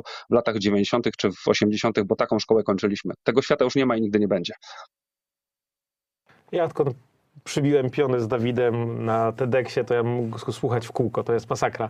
E, bardzo Nie piona, no, to nie jakby jest masakra, absolutnie. Dawid, w sensie tylko- super. Ja się, ja, sorry, to było kiepskie. moja, masa- tak, było moja masakra to jest jakby, wiesz, poziom, poziom superości. E, dobra, ktoś napisał na czacie, to może teraz zadzwońmy do ministra Czarnka. Dobra, dobra, to było równie ryzykowne jak sprawdzanie programem antyplagiatowym Tak. listu świętego E, Pawła do Koryntian. E, Te 4K jest całkiem fajne. W sensie ja uważam, że danie takiej bezpiecznej przestrzeni do tego, żeby przetestować AI, to jest super w ogóle idea. W sensie ja się bardzo zgadzam z tym, co Dawid powiedział.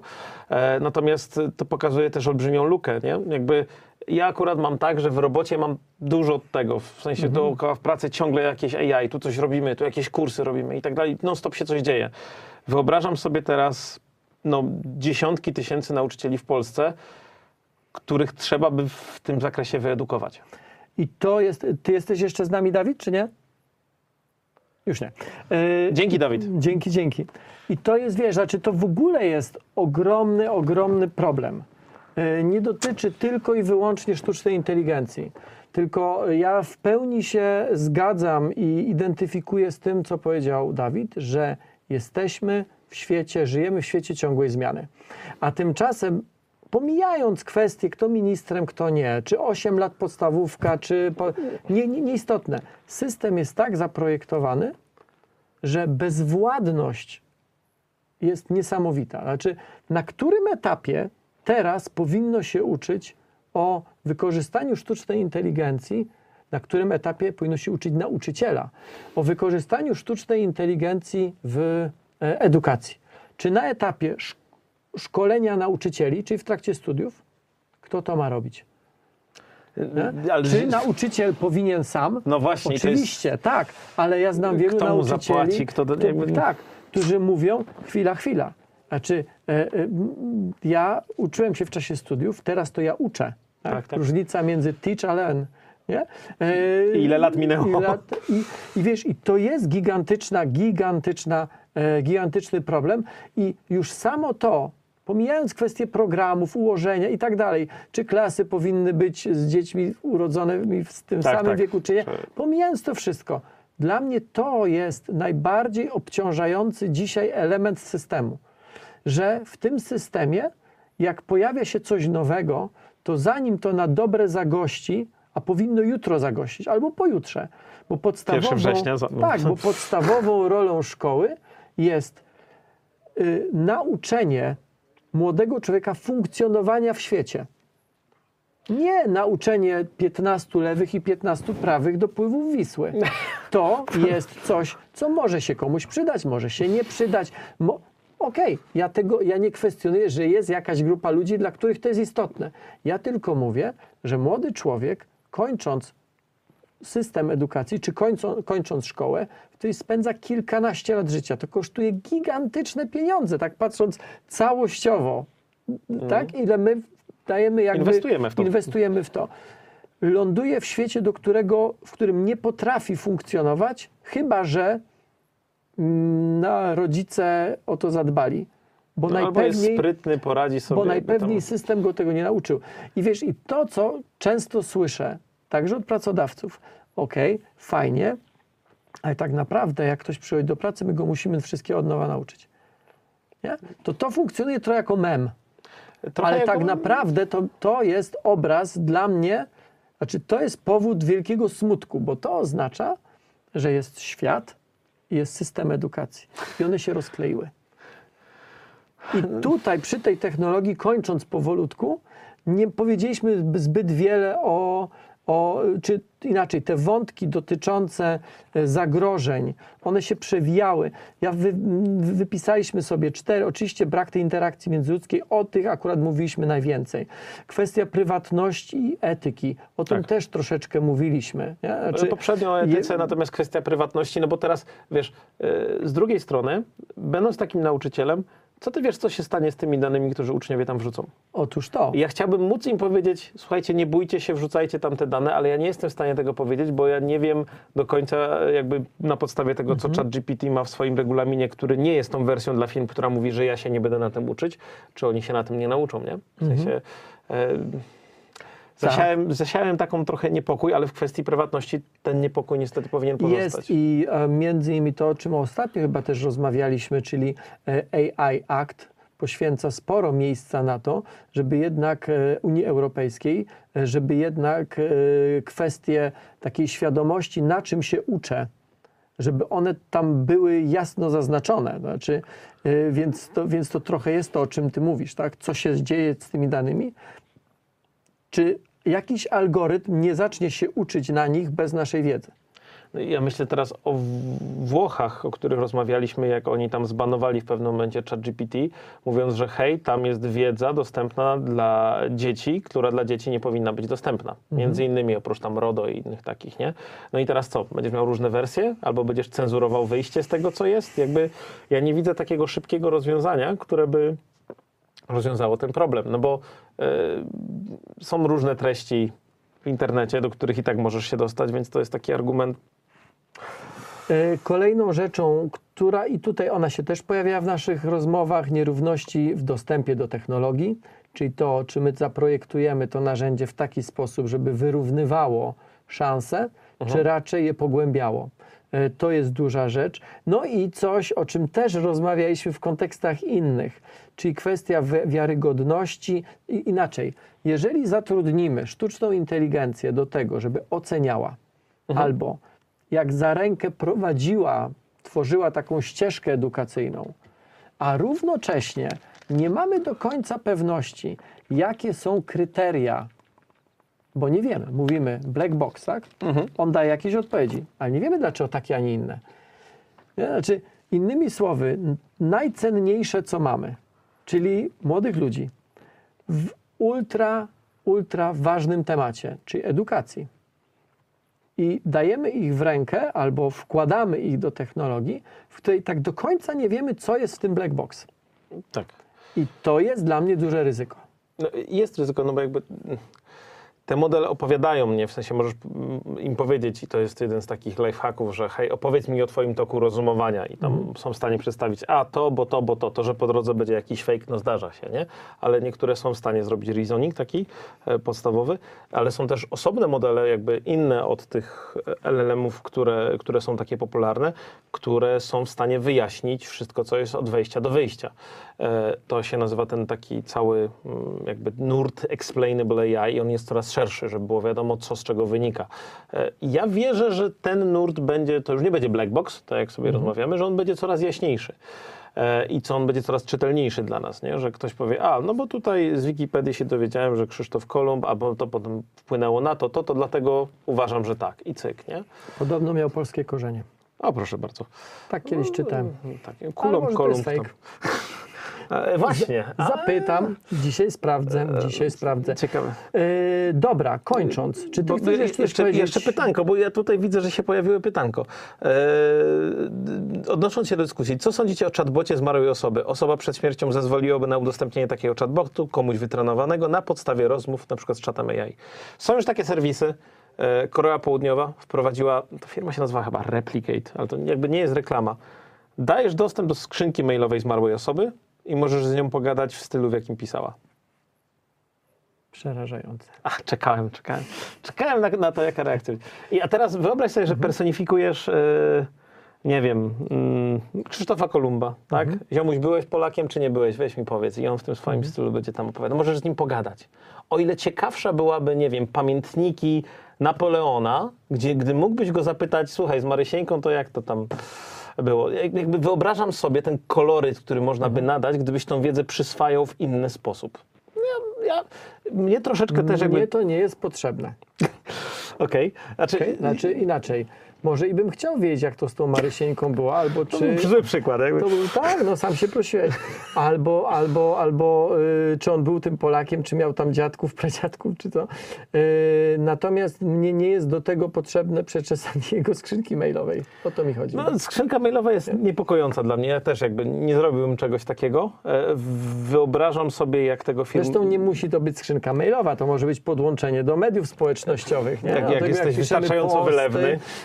I to nawet podobno przecież były takie, znowu, przed tym hypem na sztuczną inteligencję, 2, 3, 5 lat temu, Tak. były takie próby i były takie algorytmy, Tak. które na podstawie tego i naprawdę nie potrzebowały tysięcy postów. Wystarczyło kilka. Ale one Co potem klnęły, komentujesz? potem tam... Co komentujesz, jak cisnęły. komentujesz, z kim rozmawiasz, co lajkujesz, ile czasu spędzasz na konkretnych tematach. I nagle się okazywało, że w zasadzie pisanie z kimś takim jest nierozróżnialne od pisania z automatem, który tą wiedzę pozyskał. Czyli test Turinga. Taki Test Turinga. e, bardzo, bardzo prosty. Y, Ja na, y, czy już koniec, czy nie? Bo jeszcze Ja widzę, chcę powiedzieć na koniec. Jeszcze mam jedno pytanie, które Mhm. to widzę. E, nie uważacie, że nauczyciele e, AI będzie zabierać i przetwarzać bardzo wrażliwe informacje, a dodatkowo będzie mógł profilować uż- uczniów dużo mocniej niż obecnie?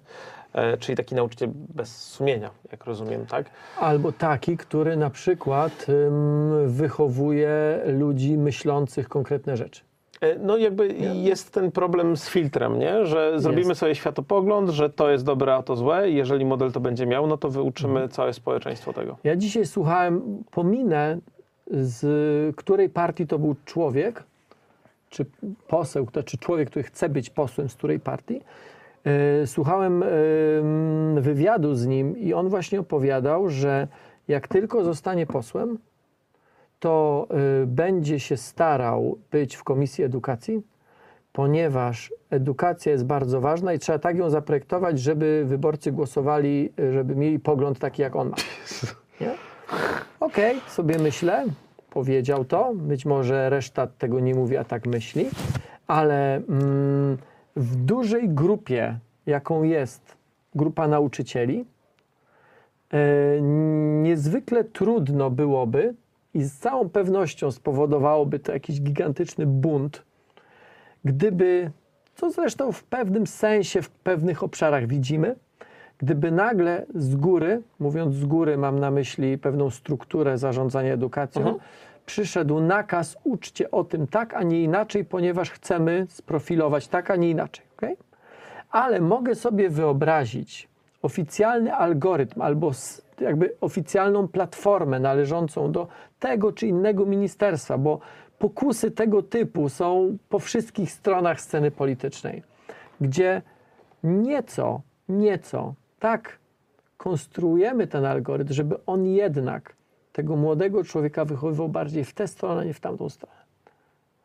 W momencie, gdy to jest kilkadziesiąt tysięcy osób, nauczycieli, czy kilkaset tysięcy, nie pamiętam ile w Polsce jest w tym momencie nauczycieli, szkół jest 17 tysięcy, no to będzie kilkadziesiąt tysięcy minimum. Mogę, czy kilkaset. Kilkaset. Jak jest 17 pod tysięcy szkół, no to jest no. naprawdę słabo.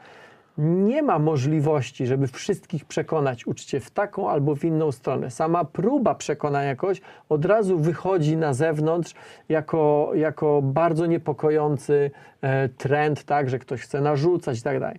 Ale jeżeli teraz byłby oficjalny algorytm albo oficjalna platforma, z której musiałyby korzystać wszystkie szkoły, to w tym momencie w zasadzie jednym, jedną polityczną decyzją można by to nieco podkręcić w tę stronę albo w tamtą. Ja widzę w tym ogromne zagrożenie.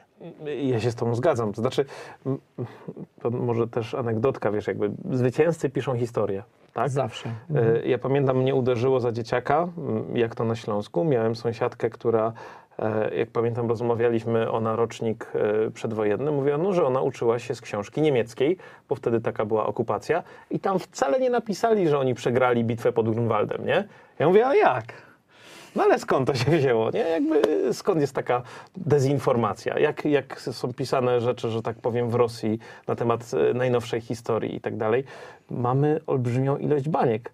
I zastanawiam się teraz, jak trudnym wyzwaniem jest to, żeby uczyć bańki przebijać.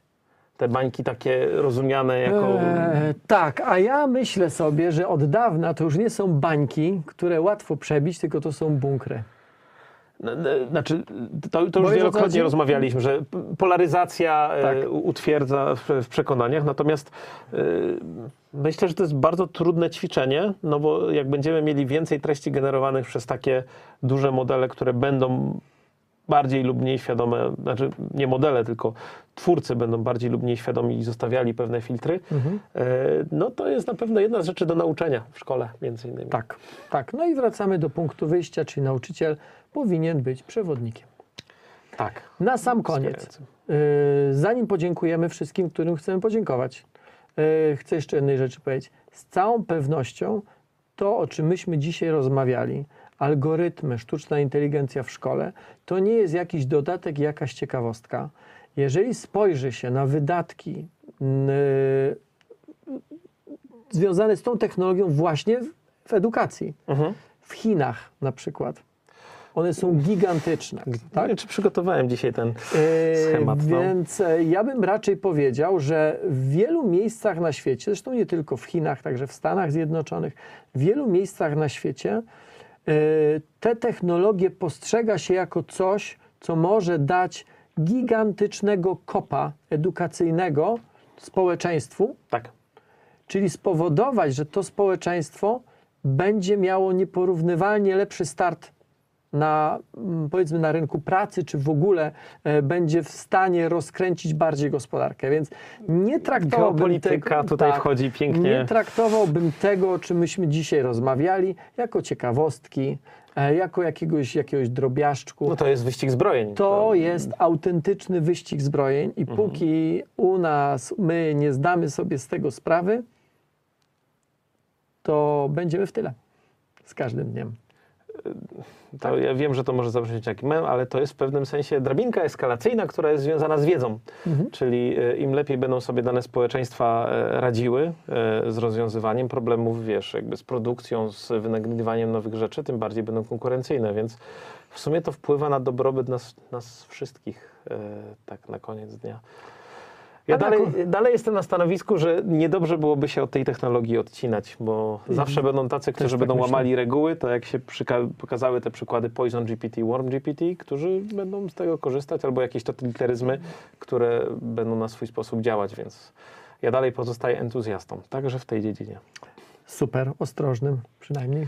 Troszkę ostrożnym, tak. Okej, dobra. Kończymy? Si. Dobra. Dziękujemy Uniwersytetowi Śląskiemu, bardzo dziękujemy. Dziękujemy Future Processing Za to, że, że jest partnerem tego odcinka.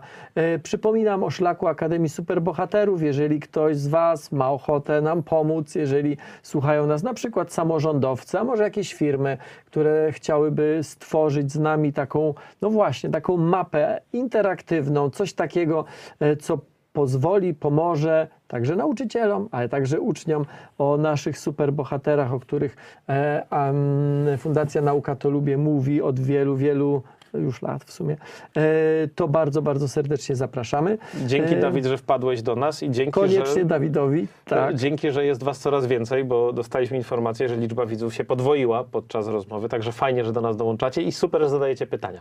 Bardzo dziękujemy za Wasze pytania. Co jeszcze? O sklepie wspomniałem na początku, to nie chcę już